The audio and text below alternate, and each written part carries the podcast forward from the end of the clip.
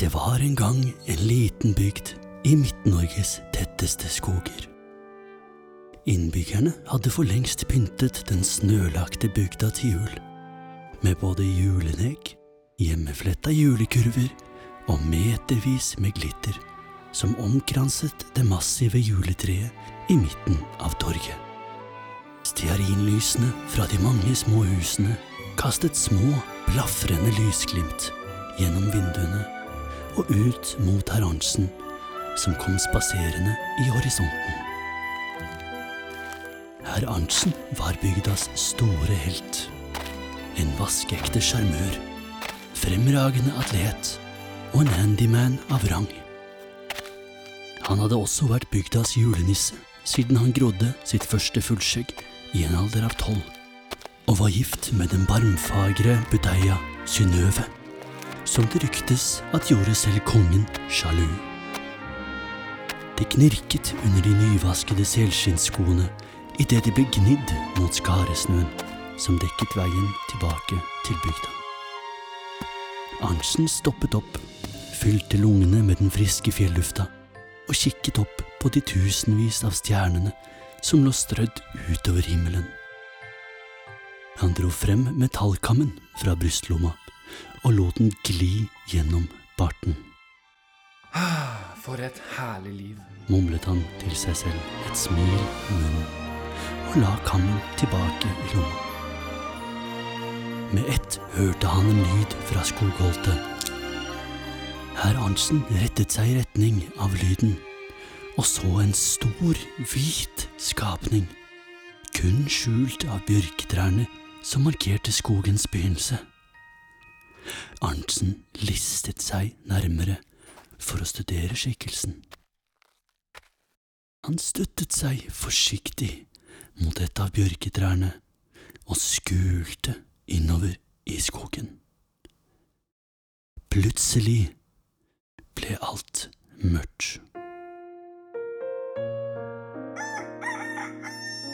Fru Arntzen åpnet forsiktig øynene og strakk alle sine fagre 165 centimeter.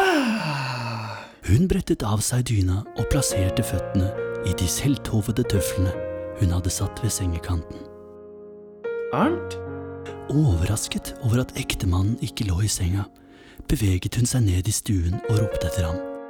Arnt? Er du her, Arnt? Hun dro på seg en ullgenser over toppen av nattkjolen og vandret ut i entreen. Verken skoene eller jakken til herr Arntzen var å finne, og alt var som fru Arntzen hadde forlatt det kvelden før. Dette var ikke likt ektemannen hennes. Hun begynte å bli bekymret og bestemte seg for å forhøre seg med naboene om de hadde sett han.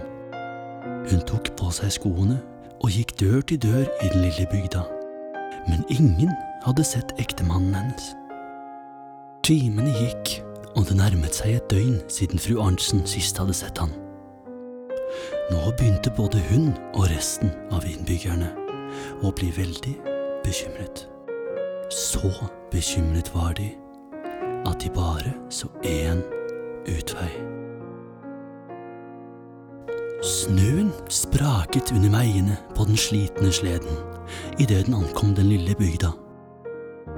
Den korte og pæreformede skikkelsen tråkket ned fra sleden og gløttet rundt seg.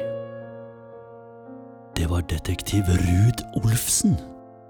Detektiven var en legende i distriktet, etter at han hadde løst alt fra kalkuntyveri til syv slags slaktingen ti år tidligere. Påkjenningen fra disse sakene, kombinert med fire ekteskapsbrudd og tapet av foreldreretten for hans sibirske adoptivsønn Oleg, hadde etterlatt detektiven som en skygge av sitt tidligere jeg. Han var ikke fremmed for å ta seg et ekstra glass skarp gløgg både før og etter julekvelden, noe som hadde etterlatt han med et vedvarende rødt snyteskaft og kronisk snufs. Jeg er detektiv Ruud Olfsen. Jeg er her for å møte fru Arntzen. Ja, det er meg. Tusen takk for at de kunne komme. Så, din mann er forsvunnet. Når så De han sist? I går ettermiddag, da han gikk for å hjelpe sin mor med å vaske gulv og bære ved. Jeg så han aldri igjen etter det. Stakkars Arnt. Vel, jeg skal nok finne han, fru Arntzen. De kan stole på meg. Ruud Olfsen kastet et blikk på bygdas oppslagstavle, hvor innbyggerne allerede hadde hengt opp en plakat med organisering av leteaksjonen etter herr Arntzen. Ved siden av hang et ark med et bilde av en eldre dame med teksten Savnet. Eldre kvinne forsvunnet fra pleiehjem. Responderer både på Fransine og hennes alter ego Helga Heks. PS. Kvinnen er alvorlig dement, Ja, ja. tenkte Ruud Olfsen for seg selv, Én ting av gangen. Og klatret stivbeint som han var, tilbake i sleden og satte kurs for huset til Arntsens mor. Han hadde så vidt kommet seg over bygdegrensa da han så noe skinne i kanten av skogen. Han tråkket forsiktig ut mot skogsgrensa for å studere gjenstanden nærmere. Det var en blankpolert kam med A. Arntzen gravert inn i håndtaket. Ved siden av kammen skimtet Ruud Olfsen fotspor i snøen som fortsatte innover i skogen. Ruud Olfsen løsnet hesten fra sleden, salet den opp og bega seg innover i skogen. Med lyset fra de fjerne himmellegemene som hjelp, fulgte han fotsporene gjennom natten. Tidlig neste morgen ankom Ruud Olfsen en grotte, hvor fotsporene sluttet. Han fortøyde hesten i en stor furu ved siden av grotteåpningen og trakk opp en lommelerke fra innerlomma. Kjettingen på lommelerka rasla over den graverte overflaten. Ruud og Oddbjørg for alltid. Han tok en stor sipp av lerka og begynte å traske innover.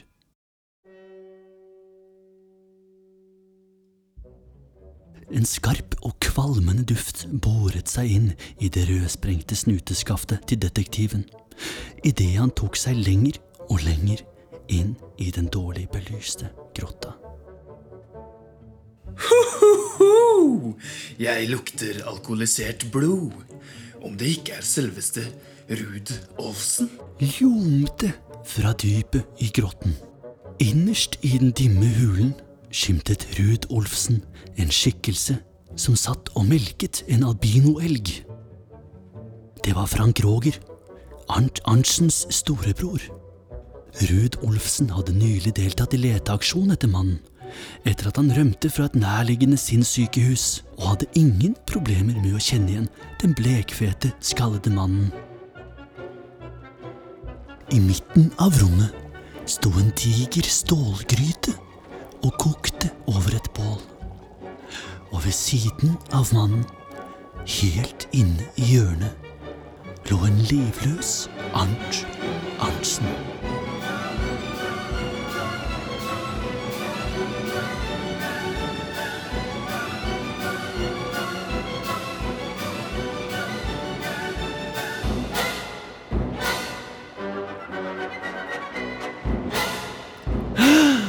Frank Roger! Så det var du som kidnappet Arnt? Hvorfor i helvete har du gjort det? Han var alltid mister Populær med den fineste bunaden, det tetteste skjegget og den beste langrennsstilen. Jeg, hans storebror, ble alltid stående i skyggen kun fordi jeg var hårløs som den dagen jeg ble født. Det var jeg som skulle bli bygdas julenisse. Det var jeg som skulle gifte meg med Synnøve. Men ingen av de forferdelige menneskene i bygda så eller hørte lille skallede meg. Det gjorde meg gal! Så hva gjorde jeg? Lagde jeg juledekorasjoner med korsfestede pepperkakemenn? Ja. Klippet jeg pentagrammer inn i ullen på naboens sauer? Ja.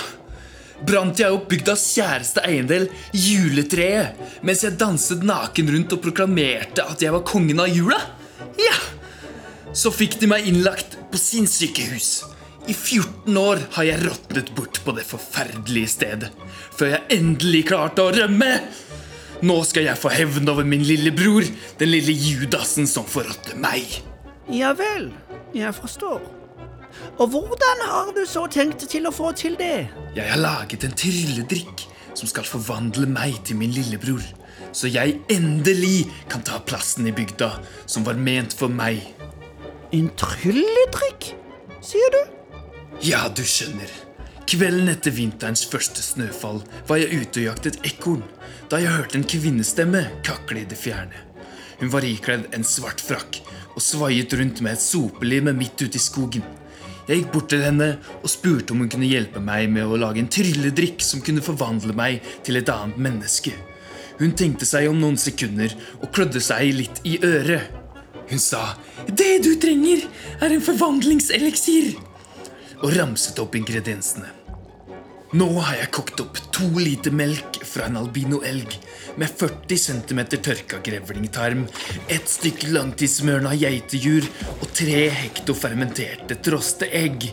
Det eneste jeg mangler nå, er et nesehår fra min kjære lillebror. Frank Roger reiste seg og ga albinoelgen en klaps over rumpa, så elgen føyk av gårde med en voldsom fart.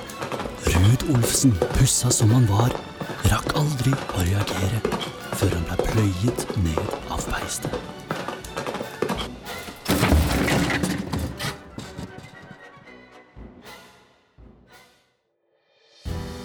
Detektiven våkner opp.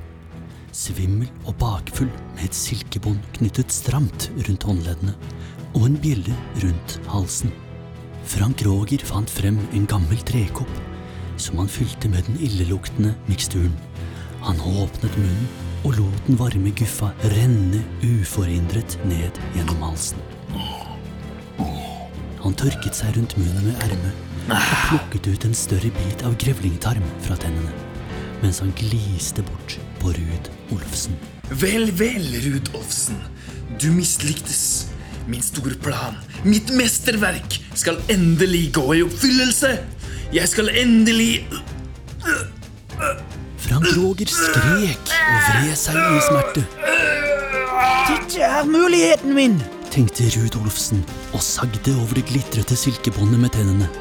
I én bevegelse dro han fram lommelerka etter kjettingen og snurret den over hodet før han sendte den av gårde som et prosjektil. Lerka traff Frank Roger i bakhodet, så han besvimte og falt oppi den digre jerngryta. Detektiven spaserte bort til gryta, plukka opp lommelerka og tørket av blodet på ryggen av Frank Rogers singlet, før han dro han ut av gryta etter valkene i nakken. Fra grottegangen hørtes tunge hover som klakket mot underlaget. Det var albinoelgen som kom traskende tilbake og stakk snuta forsiktig inn i rommet. Ruud Olfsen tilnærmet seg den majestetiske skapningen sakte, med en bøtte poteter Frank Roger hadde stuet i et hulrom innerst i rommet, og satte den forsiktig ned foran elgen. Elgen lente seg sakte over bøtta og begynte å spise, mens detektiven klappet den forsiktig over ryggen. Han samlet sammen de resterende silkebåndene i grotta og flettet dem sammen til et solid tau som han bandt Frank Roger med. Detektiven tok seg en stor slurk av hjemmebrenten i lommelerka før han losset den menneskelige potetsekken opp på ryggen av elgen, som ikke virket å bry seg nevneverdig. Ruud Olfsen slang den fremdeles bevisstløse herr Arntzen over skulderen og la han over ryggen på hesten, som trofast ventet ved grotteinngangen. Med elgen ved sin side satte detektiven kursen tilbake mot bygda, med brødrene immobilisert på hvert sitt hovdyr. Solen gløttet varsomt over fjellet i øst og sendte sine varmende stråler mot reisefølget som skrittet over den siste kneika og inn i den lille bygda. Arntzen, som hadde kviknet til i løpet av morgentimene, takket detektiven for alt han hadde gjort, før han hoppet ned fra hesten og la på sprang den siste etappen til sin ventende hustrus omfavn. Da de omsider snudde seg i retning av den sagnomsuste detektiven, var han sporløst forsvunnet med både hest, elg og bror. Frank Kroger dukket senere samme dag opp, tilbake på sinnssykehuset han hadde rømt fra. Men Ruud Olfsen så ingen i bygda igjen. Enkelte hevder at han frøs i hjel i et forsøk på å krysse Nordpolen på alpinoelgens rygg, mens andre påstår at han giftet seg med den bortkomne Fransine og flyttet til Usbekistan. Men én ting er sikkert. Ikke en julekveld går forbi i den lille bygda uten fortellingen om den store detektiven som reddet julen.